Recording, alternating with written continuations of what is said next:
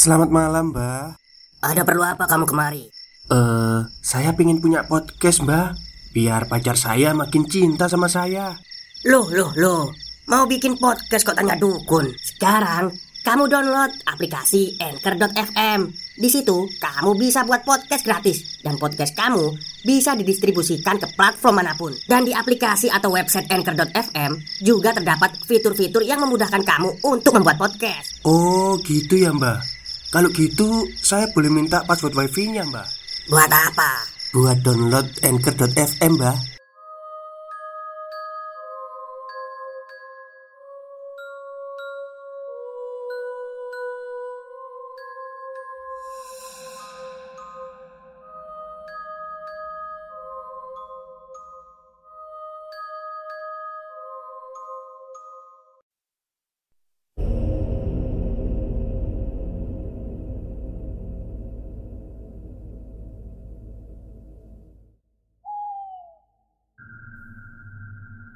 Assalamualaikum warahmatullahi wabarakatuh. Halo semuanya Jumpa lagi dengan saya Chow Sing Sing Kurator dari podcast Horror Night Story. Halo Apa kabar semuanya? Semoga kalian semua baik-baik saja ya. Dan seperti biasanya pada malam hari ini saya kembali Dan akan menghadirkan sebuah kisah mistis untuk kalian semua Kisah mistis kali ini saya datangkan dari treat horornya kembali lagi ya. Yang kemarin Treatnya mas cerita horor nyata yang ada di Twitter. Oke Daripada kita berlama-lama Mari kita simak ceritanya. Assalamualaikum warahmatullahi wabarakatuh. Saya akan memulai ceritanya Sayup-sayup ku dengar tangis pilu yang menyayat hati. Semakin lama semakin mengusikku. Kulangkahkan kaki menuju sumber suara itu. Astagfirullah. Siapakah gerangan gadis cantik berambut panjang sebahu itu? Tiga tahun menumpang hidup di rumah mertua memaksaku harus berpikir keras. Bagaimana caranya agar aku bisa mandiri, tidak selalu hidup di rumah mertua? Ya, aku ingin segera membawa istriku pindah, meski itu hanya di rumah kontrakan. Kendati keinginan itu pernah ditolak mentah-mentah oleh mertua, namun tekadku sudah bulat. Bagaimanapun aku tetap ngotot ingin mencari rumah kontrakan. Begitulah, setelah berpikir soal rumah kontrakan, sebulan kemudian aku mendapatkan rumah yang kuinginkan. Rumah itu tidak terlalu bagus, namun cukup besar untuk ukuran keluarga kecil. Apalagi kami belum memiliki seorang anak pun. Maka, tanpa pertimbangan yang macam-macam, rumah itu jadi ku kontrak.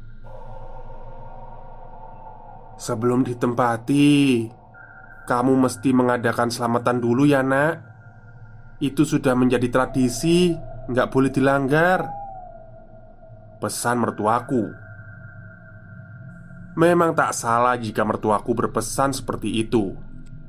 Soalnya Sejak aku belum resmi menikahi anaknya Aku dikenalnya sebagai menantu yang suka tak percaya Dengan hal-hal yang di luar nalar. Begitu pula soal pesan selamatan itu.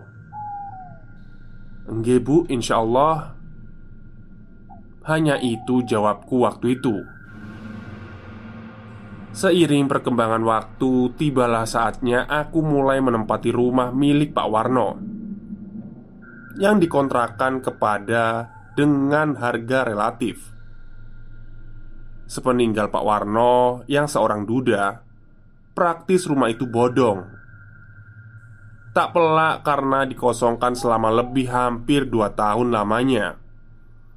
Keadaan rumahnya sangat kotor Selain banyak terdapat sarang laba-laba, keadaannya juga banyak yang kusam temboknya serta mengelupas.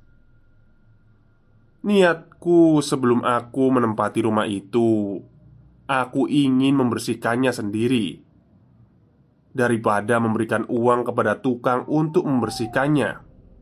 Mendingan ku bersihkan sendiri saja. Sekalian ngirit maksudku. Begitulah. Akhirnya pada hari Minggu aku mulai membersihkannya. Sejak pagi aku sudah berangkat ke sana dengan membawa peralatan seadanya. Kubuka pintu pagarnya Suara berderit mengiringi terbukanya pagar besi yang telah karatan itu. Sesaat, aku sempat kaget ketika tiba-tiba saja terasa olehku hembusan angin sepoi-sepoi yang menerpa wajahku. Halus dan hangat kurasakan. Aku terus melangkahkan kaki dan mulai membuka pintu rumah. Sama seperti ketika aku membuka pagar depan. Begitu pintu terbuka, suara derit seolah mengiringinya. Sepertinya suara derit pintu itu berasal dari gesekan antar karat yang banyak terdapat di engsel daun pintu. Sejauh itu aku hanya berpikir, "Ya, beginilah kalau rumah dibiarkan lama dan tidak terawat." Setelah berpikir seperti itu, hembusan angin kembali menerpa wajahku. Masih tetap seperti yang pertama, halus dan hangat kurasakan. Secara spontan, aku langsung geleng-geleng kepala. Begitu tahu keadaan di dalamnya, meski ada seperangkat kursi tamu yang lengkap, namun debu tebal yang menempel ibaratnya bisa ditanami jagung Ah, sudahlah Toh bagaimanapun rumah ini jadi ku kontrak Jadi apa pun resikonya aku harus siap menerimanya. Pertama aku membersihkan semua mebel dengan kain yang kubasahi dengan air. Setelah itu barulah aku membersihkan temboknya. Satu persatu, foto-foto yang terpampang kuturunkan dari tembok. Mataku agak tertegun ketika hendak menurunkan sebuah foto seorang gadis dengan rambut panjangnya yang sebahu. Wih, cantik sekali anak ini. Siapa ya? Apa anaknya Pak Warno? Kataku dalam hati. Aku pun terus melanjutkan pekerjaanku. Entah sudah berapa batang rokok yang kuhisap sambil bersih-bersih. Aku juga tak ingat lagi sudah berapa gelas yang aku minum. Ku teguh untuk mengusir rasa haus yang mencekik ke tenggorokanku. Namun yang pasti pada akhirnya aku kelelahan Bisa jadi saking capeknya secara tak sadar aku tertidur pulas di sofa ruang tamu yang telah ku bersihkan itu. Di saat tidur antara sadar dan tidak, telingaku mendengar ada suara seseorang yang mengetuk pintu. Tak hanya itu, bersamaan dengan ketukan itu, aku juga mendengar ada suara seorang wanita yang memberi salam. Assalamualaikum. Waalaikumsalam. Ya silakan masuk Ujarku membalas suara perempuan di depan pintu itu Aku segera bergegas menuju ke arah suara. Begitu pintu kubuka Nampak seorang gadis belia Berdiri di depan pintu. Sesaat lamanya aku tertegun dibuatnya. Seolah tak percaya dengan pandangan mataku. Gadis itu? Ya, gadis itu. Ah, cantik sekali. Hanya itu yang mampu terucap pelan dari bibirku, yang seolah terasa terkunci. Setelah aku persilahkan masuk, barulah gadis yang mengaku bernama Maharani itu mau masuk ke rumah. Langkah kakinya pelan namun serasi, penuh wibawa. Sorot matanya sendu, seolah memancarkan kesedihan yang mendalam. Begitu memasuki ruang tamu, dia langsung menatap fotonya yang masih tergeletak di atas meja lantaran baru kubersihkan. Lama sekali dia menatap foto dirinya. Lalu senyumnya mengembang erat. Maaf, foto itu terpaksa saya turunkan. Kukira Anda tidak akan datang kemari. Cetusku mencoba menyelami perasaannya. Ah, Mungkin memang foto ini sudah tak pantas menghiasi ruangan ini. Ujarnya getir. Entah bagaimana mulanya. Setelah agak lama mengobrol Spontan tercipta suasana akrab di antara kami. Maharani tak lagi merasa sungkan untuk mengambil minuman di dapur. Dengan cekatan tangannya membuka laci kitchen set dari sana, diambilnya sebotol selai stroberi dan beberapa potong roti tawar. Lalu secara perlahan dia mengoleskan selai itu di atas roti tawar.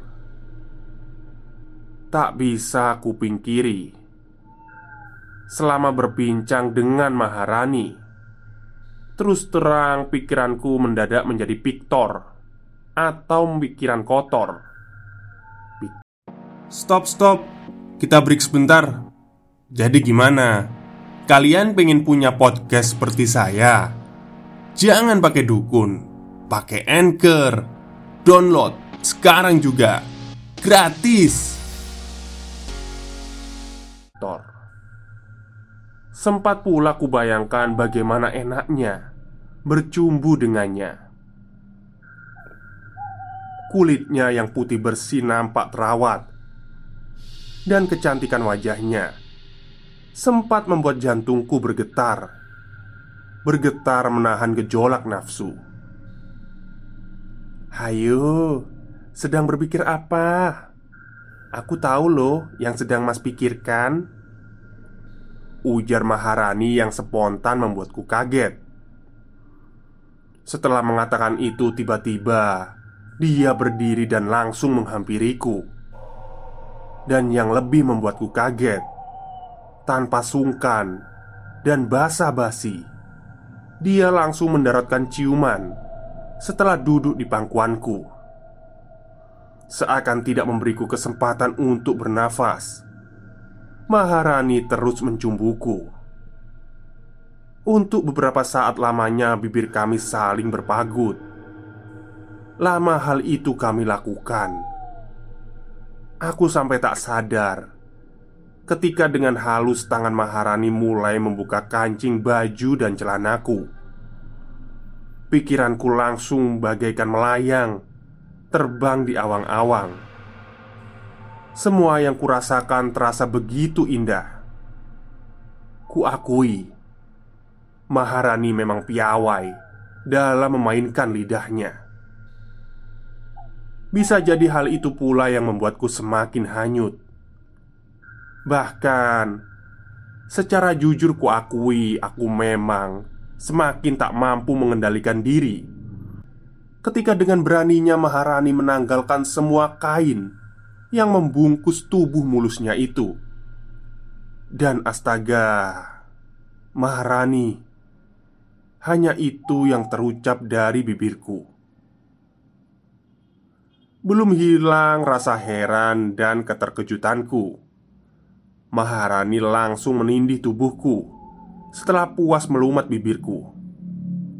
Kini gilirannya men... Oke, banyak Kata-kata yang agak kurang senonoh ya Jadi agak saya langsung aja ya.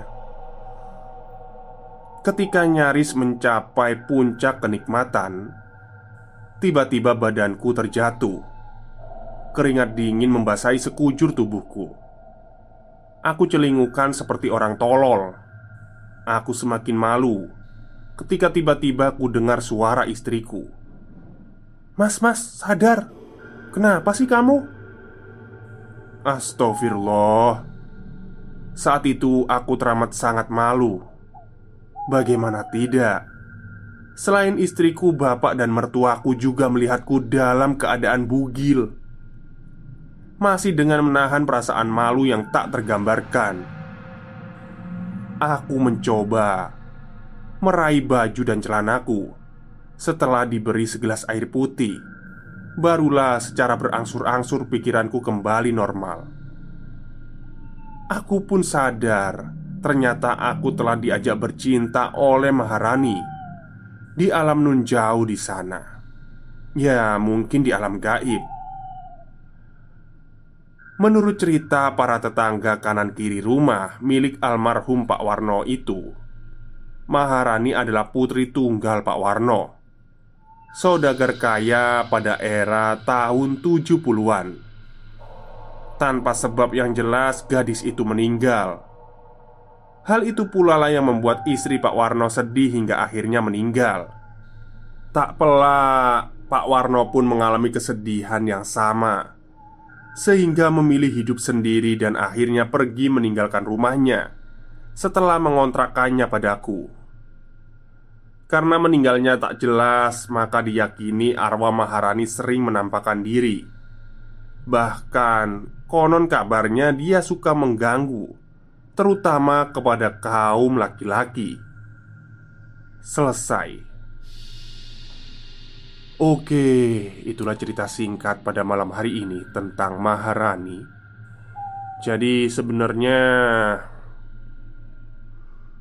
uh, kegiatan atau kejadian berhubungan badan dengan jin itu apa ya? Sering dialami ya sebenarnya ya sama orang-orang tapi orang-orang tertentu saja itu ya nggak tahu gimana itu prosesnya saya juga nggak tahu tapi nggak usah dipikir lah ya dan mohon maaf karena sebenarnya agak panjang ya tapi karena ada paragraf atau kalimat-kalimat yang agak vulgar jadi takutnya nggak enak lah ya sama pendengar jadi saya skip tadi Oke, mungkin itu saja cerita untuk malam hari ini. Kurang lebihnya, saya mohon maaf. Wassalamualaikum warahmatullahi wabarakatuh.